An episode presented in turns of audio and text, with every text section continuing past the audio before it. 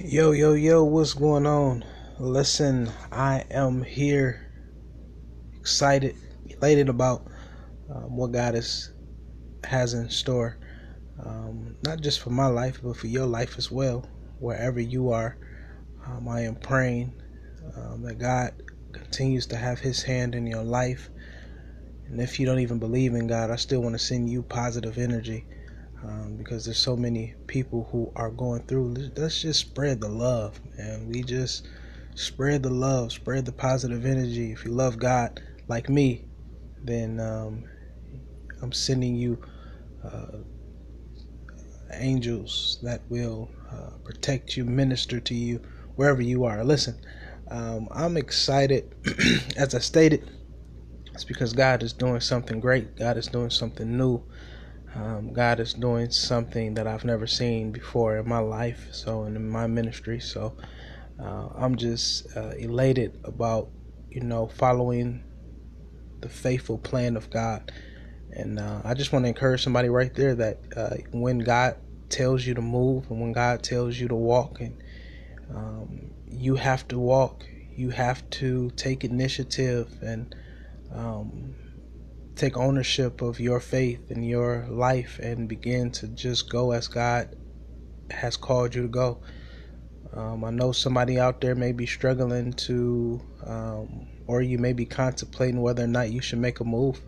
Um, and I've always been one who encourages you. If you know without a shadow of a doubt it's a move that God wants you to make, then make the move.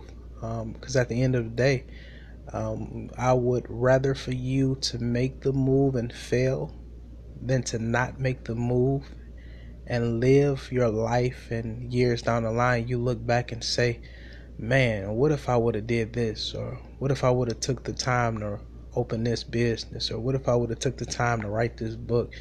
Um, you just don't know. You god has given you uh, god has birthed within you a vision or birthed within you a plan um, if you know that it was God's, uh, take the risk. Um, you don't know. Uh, I think it was uh, Steve Harvey who once said it like this You never know if your parachute will open until you jump.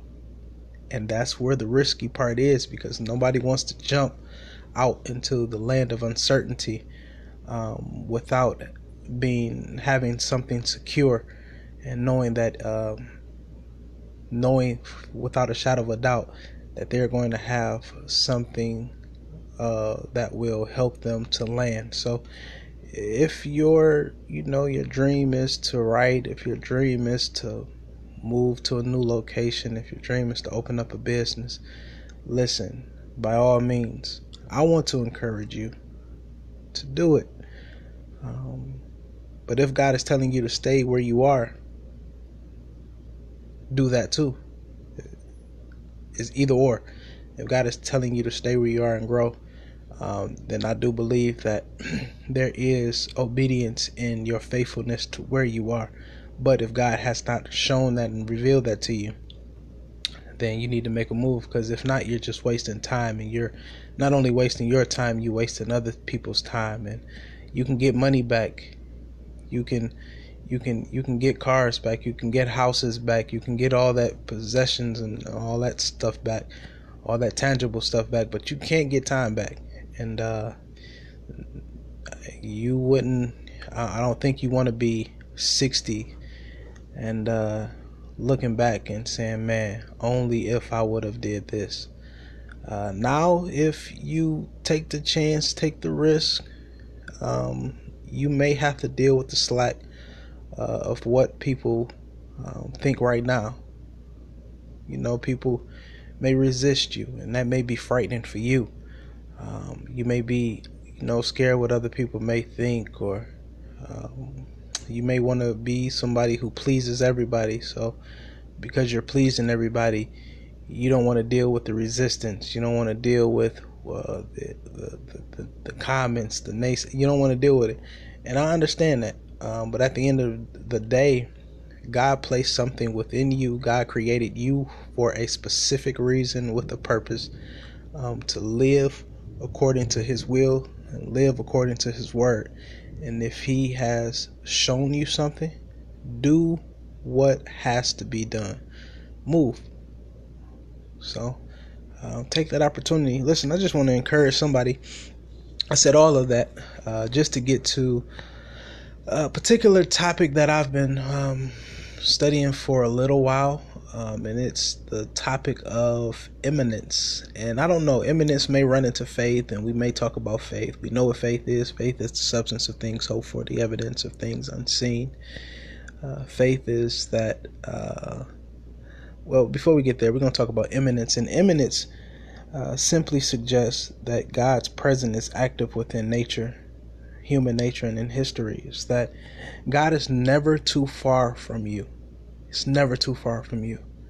God is always right there, actively aware and actively involved and engaged in what you're going through. And I don't know what side of the spectrum you're looking from, whether you're optimistic or pessimistic, where whether you're looking at whether you're hopeful or you looking at the calamity in which you're going through.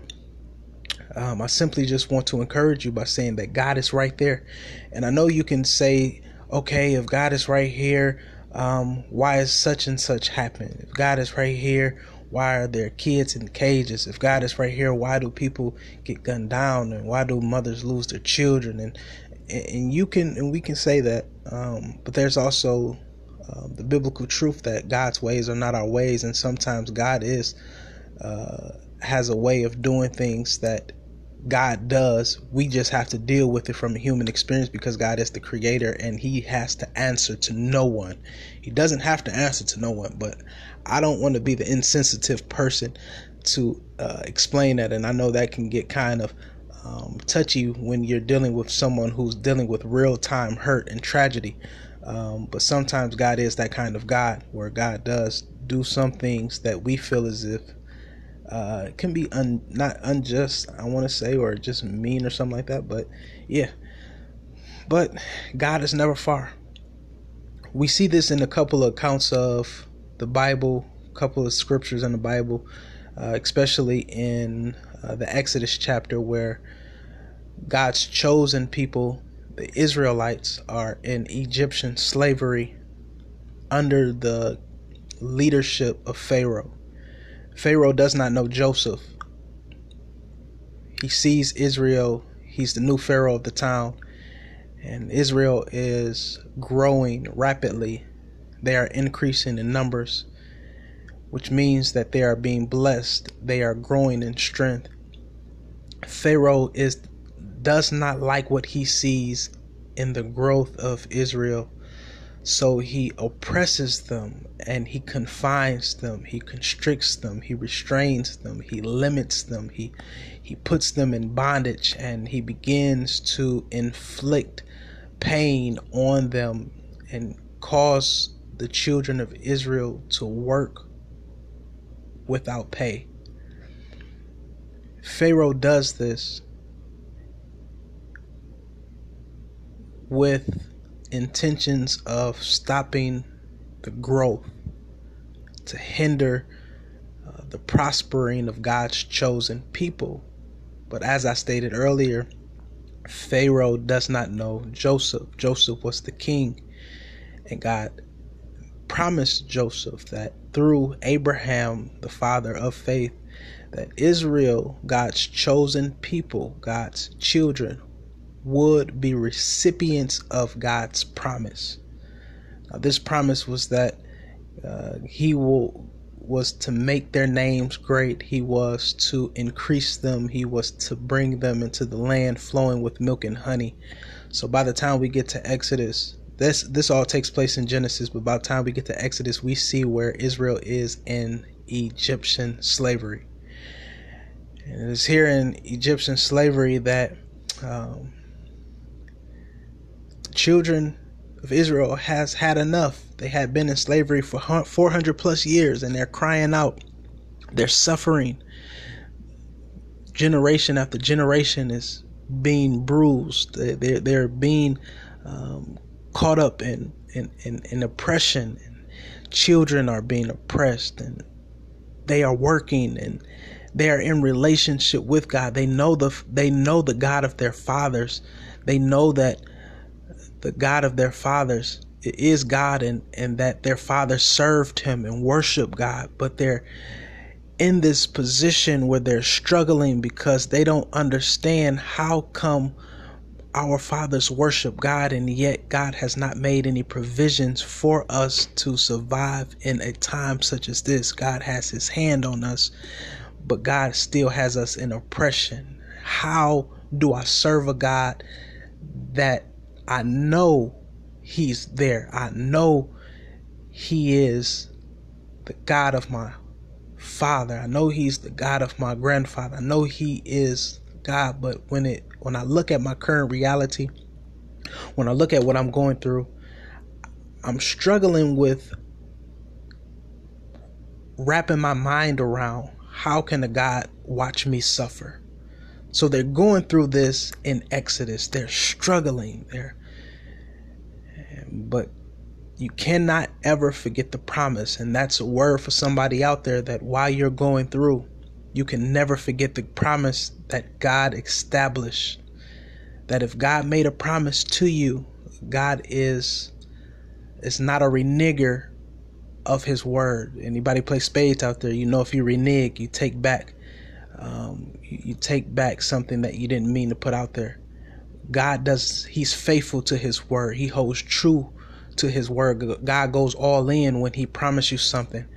And I'm just simply here to remind you that when God speaks a promise over your life, you can rest assured that God will honor his word. But the reality is that before God fulfills the promise, there will be signs, seasons of persecution meaning you will go through seasons of your life where you are not where you want to be. You may stumble and go through setback after setback. You may struggle. You may go through a phase in your life where you're really questioning whether or not God is the right choice. You you may go through that. You will go through that. You will suffer hands of per- you will suffer persecution. You're going to struggle through it. But right before the promise is fulfilled, there will be persecution, and this is what Israel is going through. So, God, at the same time that children of Israel are going through persecution, God is raising up Moses. Moses, he would raise up Moses. He would, at this time, Pharaoh sends out a decree to kill all the Hebrew boys that are two years old and younger. Moses' mother hides him in a basket and she puts him in this basket and puts the basket in the Nile River to hide her son. She is hiding the promise. God's promise is tied up in Moses. And Moses is now going down this Nile River where he ends up getting rescued out of the water by Pharaoh's daughter. She takes him, cleans him off, and now Moses is being raised in the house of Pharaoh. You see how God works? The same hand that is persecuting you by Pharaoh is the same hand that God will use to raise you up to be the liberator of his people. So now Moses is being raised up out of the house of Pharaoh. And Moses, just to cut through the grass, Moses is some years go down the line. Moses is older in age, and he's on the backside of the desert by the mountain of Horeb, Sinai, and he sees a bush that is on fire. It is inflamed. It is, um, it is, it is, it is inflamed, but yet it's not consumed. And in this bush, there is an angel that is beginning to convey a message to Moses. I'm still talking about the immanence of God. I'm still talking about the closeness of God and how God is always close to his creation. So the angel is communicating this message to Moses that I want you to be the liberator for my people. I need I've I've heard their cries, I've seen their affliction, and this time I seen I know their sorrow. It's time, Moses. I want you to go to my people. There it is. God sees their affliction. He he hears their he, he hears their cries. He knows their sorrow. God was there all along. And that's a word for somebody while you were crying, while you're being afflicted in your seasons of sorrow, God is right there and God knows. My encouraging word for you is that right there in the midst of why you're going through, you ought to find a glimpse of hope in knowing that God is getting ready to do something spectacular in your life you got to know that in the midst of what you're going through and what it seems like, God is getting ready to turn that thing around. Yes, it's dark right now. Yes, you're suffering right now. Yes, life may not be what you uh, want it to be. But I'm here to encourage you that just hold on a little while longer. God is getting ready to say, this is, here it is. When there's all, when there's oppression and when there is a Pharaoh, God always raises up a Moses that while you're in the midst of your suffering, you can know God is getting ready to send you a word to calm your circumstance. God is getting ready to turn some people who casted you out are getting ready to you up and God is getting ready to do it right in their presence. Some job, that job you didn't get, you're getting ready to get offers that you didn't think that they st- knew your name. I'm saying your name is on the mind of, of, of, someone you haven't even met yet. You are getting ready to walk inside of a room you ain't never heard of. You getting ready to shake some hands with some people. Listen, I want to just encourage you. I'm excited. I'm getting really excited thinking about this and that you need to just hold on just a little while longer because when God begins to move, you just got to get in alignment. Move when God says move and watch God do something spectacular and amazing in your life. When I tell you that God is near, God is near and he He's just a prayer away.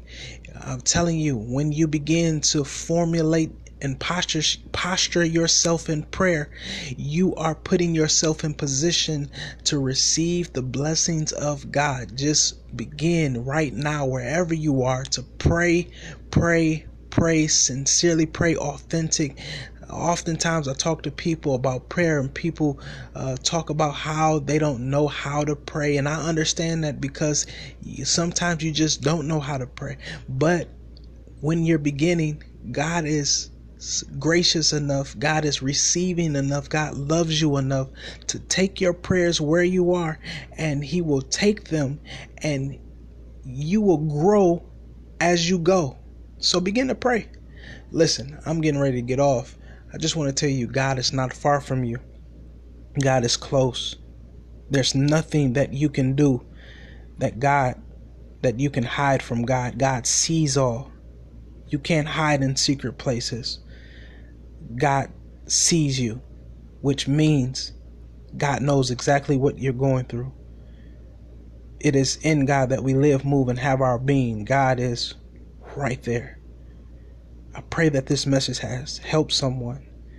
If it has helped you, let me know. Encourage me by letting me know that this message has helped you. All right, y'all be blessed. Peace.